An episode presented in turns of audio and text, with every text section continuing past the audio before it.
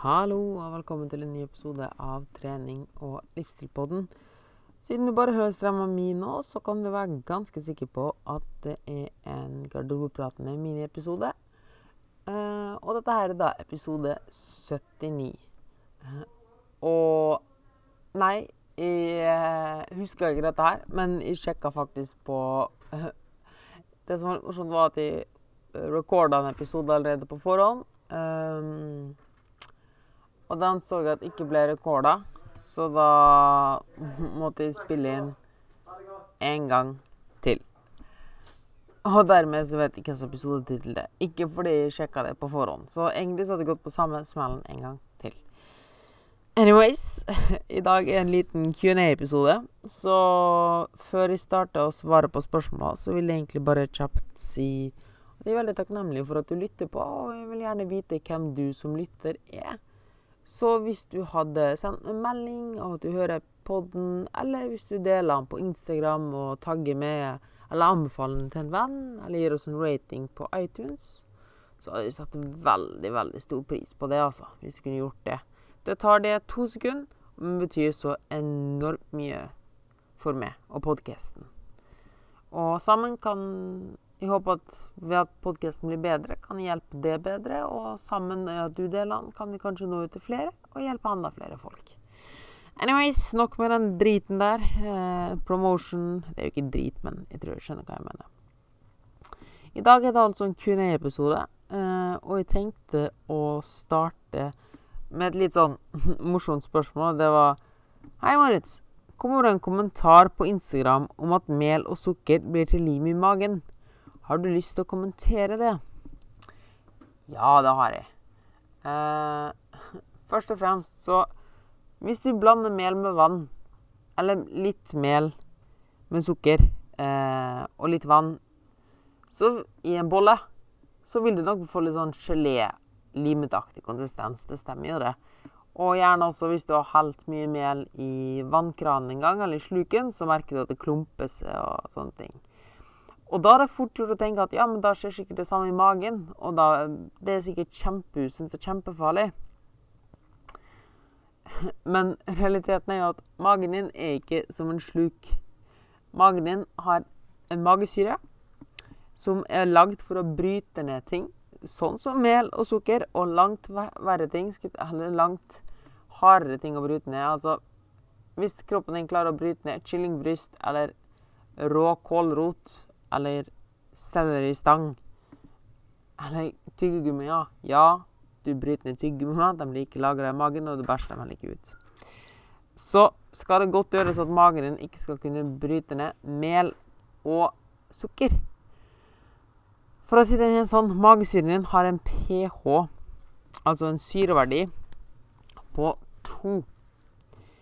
Eh, vanlig vann, altså nøytralt Nå skal jeg faktisk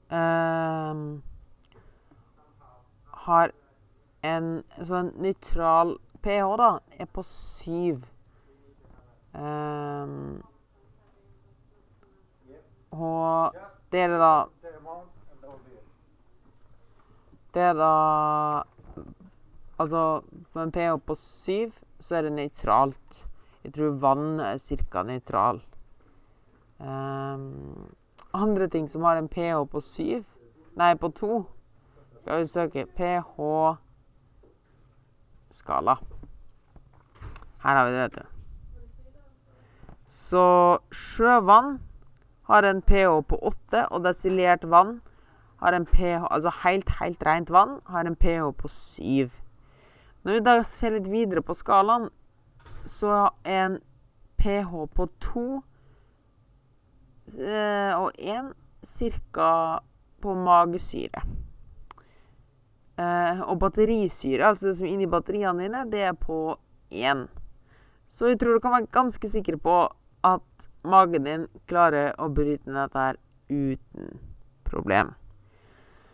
Uh, eddik har for så vidt en syre på tre, og hvis du har lagt noe liggende litt lenger i eddik over tid, så tror jeg du ser hvorfor melk og sukker i magen sannsynligvis ikke blir som lim. Neste spørsmål er optimal fettprosent for optimal hormonbalanse, testosteron etc.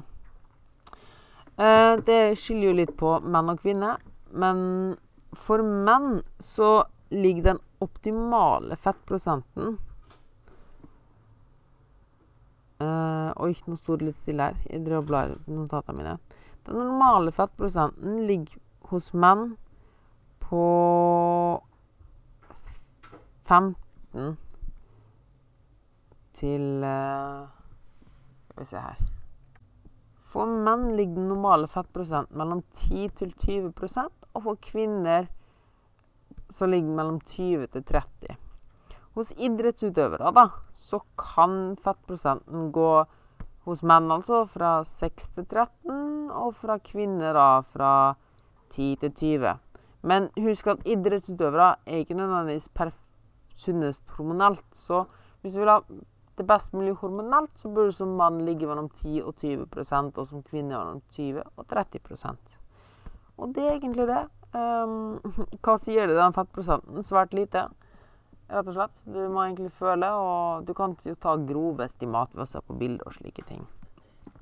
Men det var veldig fort forklart, den.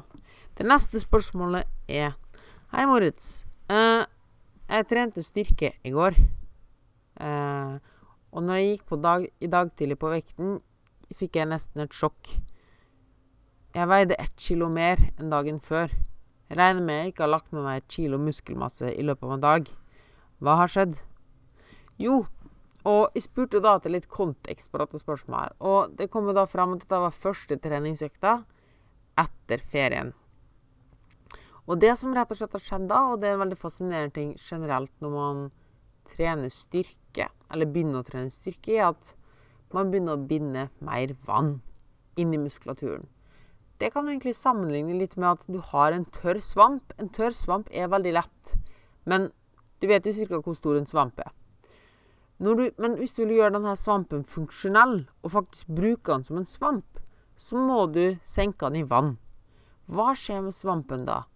Jo, den suger til seg vann og blir en god del tyngre. Og da kan du faktisk bruke svampen. Det som er litt kult her, er at svampen blir ikke større. Den blir bare tyngre. Og det er litt det samme med når du går opp i vannvekt i muskelmasse.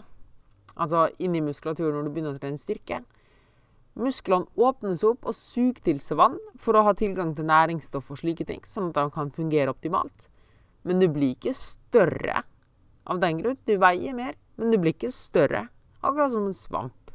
Og det er det som skjer da når du ikke har trent styrke på en lang tid, så er at musklene har i anførselstegn tørka ut. For de har ikke behov for å lagre så mye næringsstoff inni, inni seg. For de skal jo ikke brukes. Men når du da begynner å bruke dem, så sender du et signal til kroppen. Hei, du kropp. Nå, så musklene her, de trenger litt næringsstoff og litt forskjellige eh, kjemikalier Eller kjemikalier Stoff og sånn som de kan trekke seg sammen og slikt. De trenger litt byggefolk. Og da sier kroppen OK, men da for å skylle dem inn, så må vi ta med litt vann. Fordi det er sånn kroppen transporterer ting gjennom væske. F.eks. blodstrømmen. Og da må da væska inn i musklene, så musklene har noe å jobbe med. Men de blir jo ikke større eller mindre enn den sak, grunn. De kan se litt større ut, kanskje. Eh, kan svulme opp bitte litt, men det, da vil du bare få finere former som kvinne. Og det er rett og slett det som skjer, og derfor du har gått opp ett kilo. Du har gått opp ett kilo i vannvekt. Og så er det naturlig mange andre faktorer her som kan spille inn, som mer salt i maten, stress etc., etc., etc. Så det var det. Tenk svamp. Svamp som suger til seg vann. Neste spørsmål er Det er litt morsomt. Eh, eller ikke morsomt, men jeg kunne nok drodla ut i evigheter om dette her. Og det Hei, Moritz. Jeg skal ut på et selskap i neste uke og lurte på eh, Og lurte på hvordan jeg skal spise frem til da. For informasjon så er jeg på vei i en eh, Er jeg Åh! Uh, så er jeg på vei i en livsstilendring og ønsker å gå ned i vekt. Hva bør jeg gjøre slik at denne festen, som ikke er aktuell å droppe, ikke ødelegger for fremgangen min?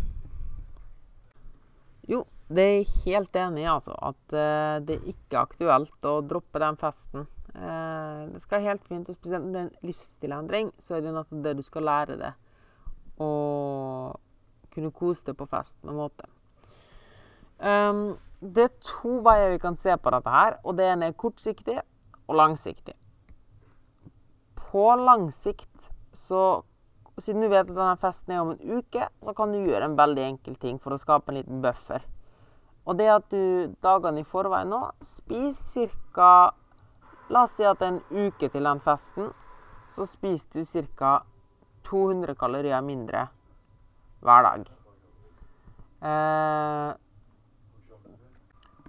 så når du da spiser 200 kalorier mindre enn før da, de andre dagene, altså nå har du da syv dager der du spiser 200 kalorier mindre, så har du da faktisk spart opp 1400 kalorier ekstra, da.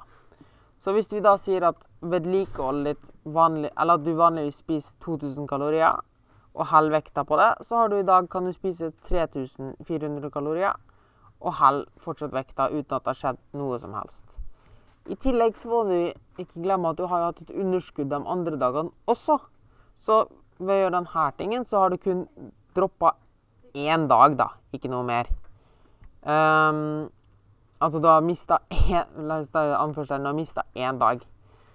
Uh, så ved å spare litt Hvis vi nå sier at det går helt ad undas på den festen, da, og vi sier at du til vanlig har et vedlikehold på 2000 kalorier, altså det er det du holder vekta på. Og i denne livsstilendringa di så spiser du 1700 kalorier per dag. Som gir et daglig underskudd på 300 kalorier. Da du nå har gått en uke der du har redusert med 200 kalorier ekstra, så har du nå et underskudd på 500 kalorier for syv dager.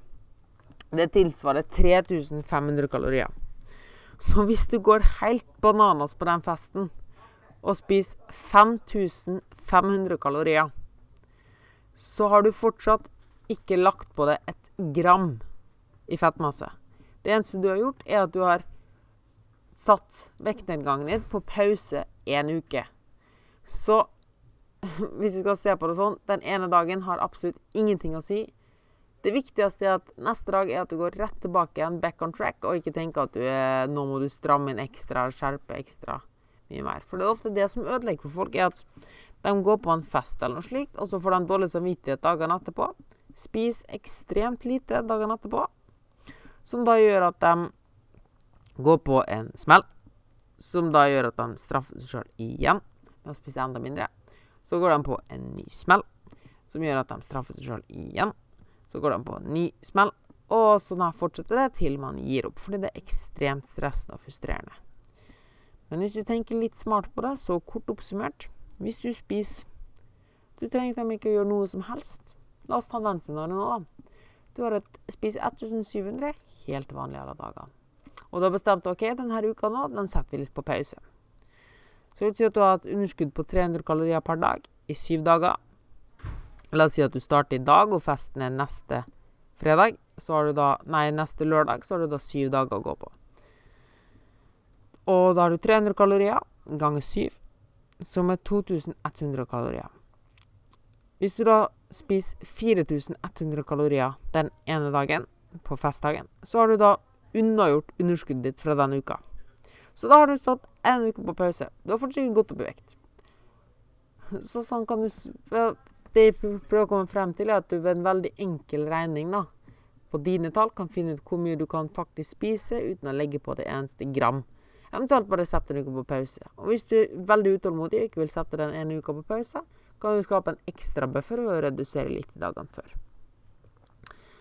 Um, og det er alltid bedre å jobbe føre var enn etterpå. Det er alltid bedre å spare enn å betale ned gjeld, f.eks. Uh, for du vet aldri når neste ting kommer, og når neste ting baller på seg. Det er veldig vanskelig å ta disse tallene i en podkast, men det, blant annet dette her jobber veldig veldig mye med, med kundene mine. da. Eh, skape forståelse og jobbe med deres tall, for det er ikke noe fasittall her. 2000 kalorier var bare et helt vilkårlig eksempel. Det som kanskje er mye viktigere, da, er hvordan tilnærminga di er på selve festen, eller den dagen. Fordi det vi veldig ofte gjør, er å tenke ok, i kveld så skal jeg i et selskap og spise masse mat og kake og slike ting. Hva er det vi pleier å gjøre da? Eller folk flest pleier å gjøre? Jo, de tenker at de må spare mest mulig kalorier i løpet av dagen. Så kanskje de dropper frokost, har kanskje bitte, bitte liten lunsj, og dropper kanskje middag, og spiser de først på kvelden. Så det har gått en hel dag med nesten ingen mat, og det har stått imot hele dagen mot alt av fristelser og gode ting. Hva tror du skjer nå på kvelden når du blir servert en utrolig god middag, og så er det kakebuffé med ti forskjellige fantastiske kaker? Og du har gått hele dagen og sultefòra deg sjøl, samtidig som at du blåser bort all viljestyrke. Tror du at det går bra? For det tror ikke jeg. Mest sannsynlig så kommer du til å spise ganske, ganske mye.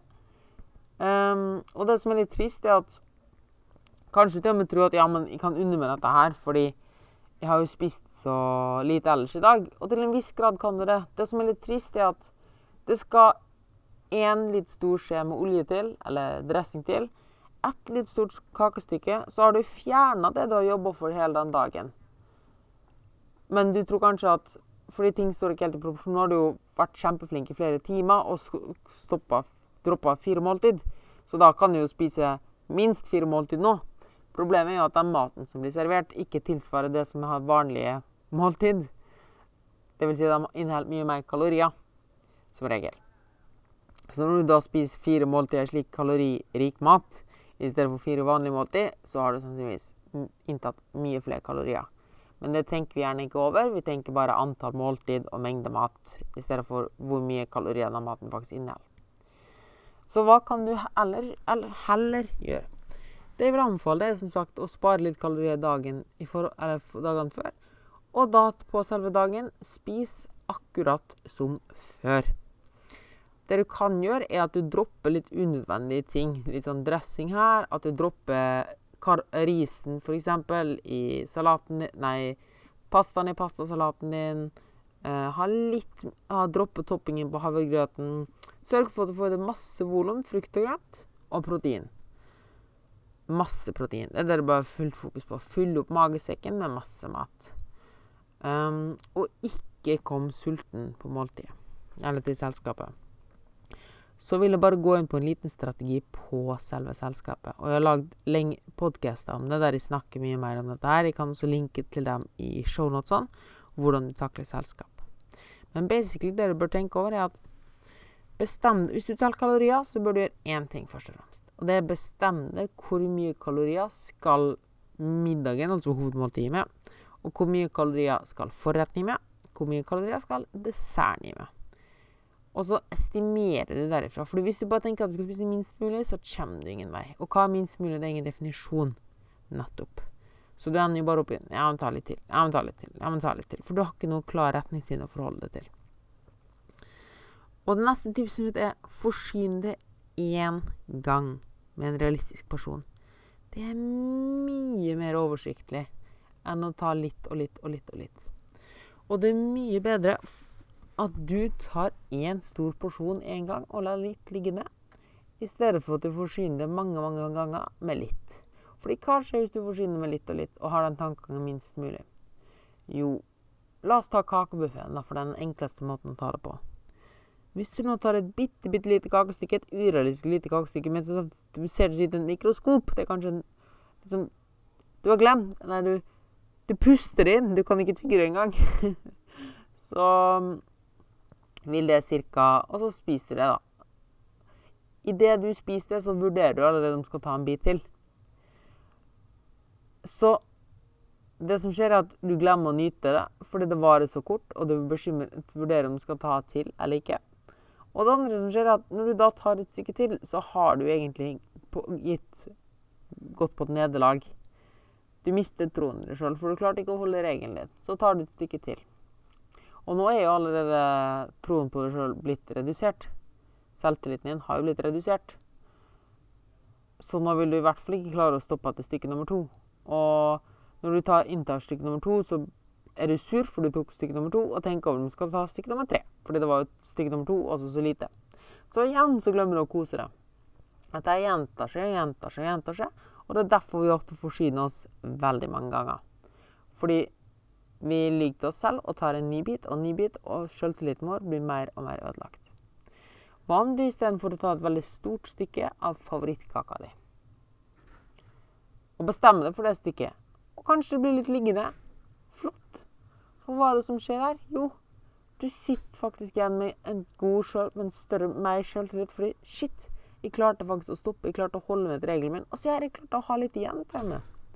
Og hvis du starter med denne mindseten allerede på forretten eller hovedmåltidet, i stedet for å tenke jeg skal ta bitte litt, og så ødelegger du sjøltilliten din med at forsvinner enda mer, og til slutt bare driter i alt, så bygg du opp sjøltilliten din. Og det er det som er det aller viktigste, at du har troen på deg sjøl. At du klarer det. Fordi det er ikke sånn at maten bare hopper i munnen på deg, eller noen tvinger deg til å spise det. Til syvende og sist sitter alt i hodet, og vi må bygge en bedre sjøltillit. Så mitt beste tips i det selskapet er at du forsyner det én gang med en realistisk porsjon. Og husk gjerne tallerkenmodellen. Ta masse protein, masse grønnsaker, slike ting. Unngå for mye dressing, og unngå spesielt sånne kjedelige fullstoff som ris og pasta og slike ting. Det er sjelden det som er høydepunktet i et måltid. Unngå alt av sånn småspising og forretter og mellomspising. Velg din rett, ta det valget, og stå i det valget. Det er det beste du kan gjøre. Det er bedre å forsyne seg for mye én gang enn å ta en latterlig liten porsjon. Det var litt mye drodling her. jeg håper i hvert fall at du fikk noe igjen for det, og at det kan hjelpe deg på en viss måte. Uh, jeg fikk også et siste spørsmål, og jeg skal prøve å holde det litt kort. Og det Jeg har veldig lyst til å bygge Jeg er veldig glad Nei, jeg har har du noen Jeg dropper resten av bare. Noen som spør etter gode rumpeøvelser. Eh, han har hørt at, hun har hørt at hip thrust er veldig bra, men får veldig veldig vondt i hofta av å gjøre det. Og det er mye styr fordi med stanger og slike ting. Og spør deg etter alternative øvelser. Og en øvelse jeg kan anbefale som er nøyaktig lik som hip thrust, er bare å ta enfots hip thrust. Strekk ut ene foten. Pass på at fot, den foten du strekker ut, alltid er under kneet på den andre foten. Og ta hip thrust sånn. Pass på at du får en fin hoftebevegelse, og at du ikke legger det for langt bak på benken. Andre øvelser er jo rumensk markløft, enfots markløft, markløft, sumo-markløft Mye markløft her. Uh, glute bridges, enfots glute bridges, uh, rygghev med tærne pekende utover og en cruncha rygg. Pull-trues i kabelmaskin, kettlebell swings, Spesielt step-ups og diverse utfallsvarianter. Bulgarske utfall blir jo stiv i rumpa herifra og til helvete. Så det er masse alternativer. Bare fordi noen sier at dette er den beste øvelsen for rumpa, så betyr det ikke at det nødvendigvis er det. Punktum. Så det var det jeg hadde for i dag. Jeg håper du fikk noe igjen for denne episoden. Um, jeg følte det ble litt uoversiktlig i dag. Eh, send gjerne inn flere spørsmål hvis du har noe, eller gjerne temaforslag hvis du ønsker det. Så skal jeg prøve å forberede meg litt bedre. Dette her blir en litt på sparken-episode, men jeg håper det går greit. Og jeg setter veldig stor pris på feedback, fordi jeg prøver å gjøre en så god innsats som jeg kan. Og hvis jeg ser at det er flere som liker det, så kan jeg også ta meg bedre tid. Og det høres så kynisk ut, men det er faktisk sånn at Desto flere som hører på, desto mer kan jeg prioritere podkasten. Desto mer kan jeg forberede meg, desto mer forarbeid kan jeg legge inn, desto mer utstyr kan jeg investere i. Så desto flere som hører på, desto mer feedback jeg får, desto mer kan jeg investere i poden. Så ved at du deler den poden til andre, så vil du få et bedre produkt til syvende og sist. Og ikke minst så syns jeg det er utrolig kjekt å se hvem som lytter på, og se at de tipsa gir, faktisk hjelper til en viss grad. Uh, jeg kan også anbefale deg å scrolle litt nedover. Jeg har masse forskjellige temaepisoder, både i og Lloyd. Så scroll litt nedover, se litt. Jeg tror det er masse snacks for det der. Så snakkes vi seinere. Og husk ha en awesome uke. Tudelu!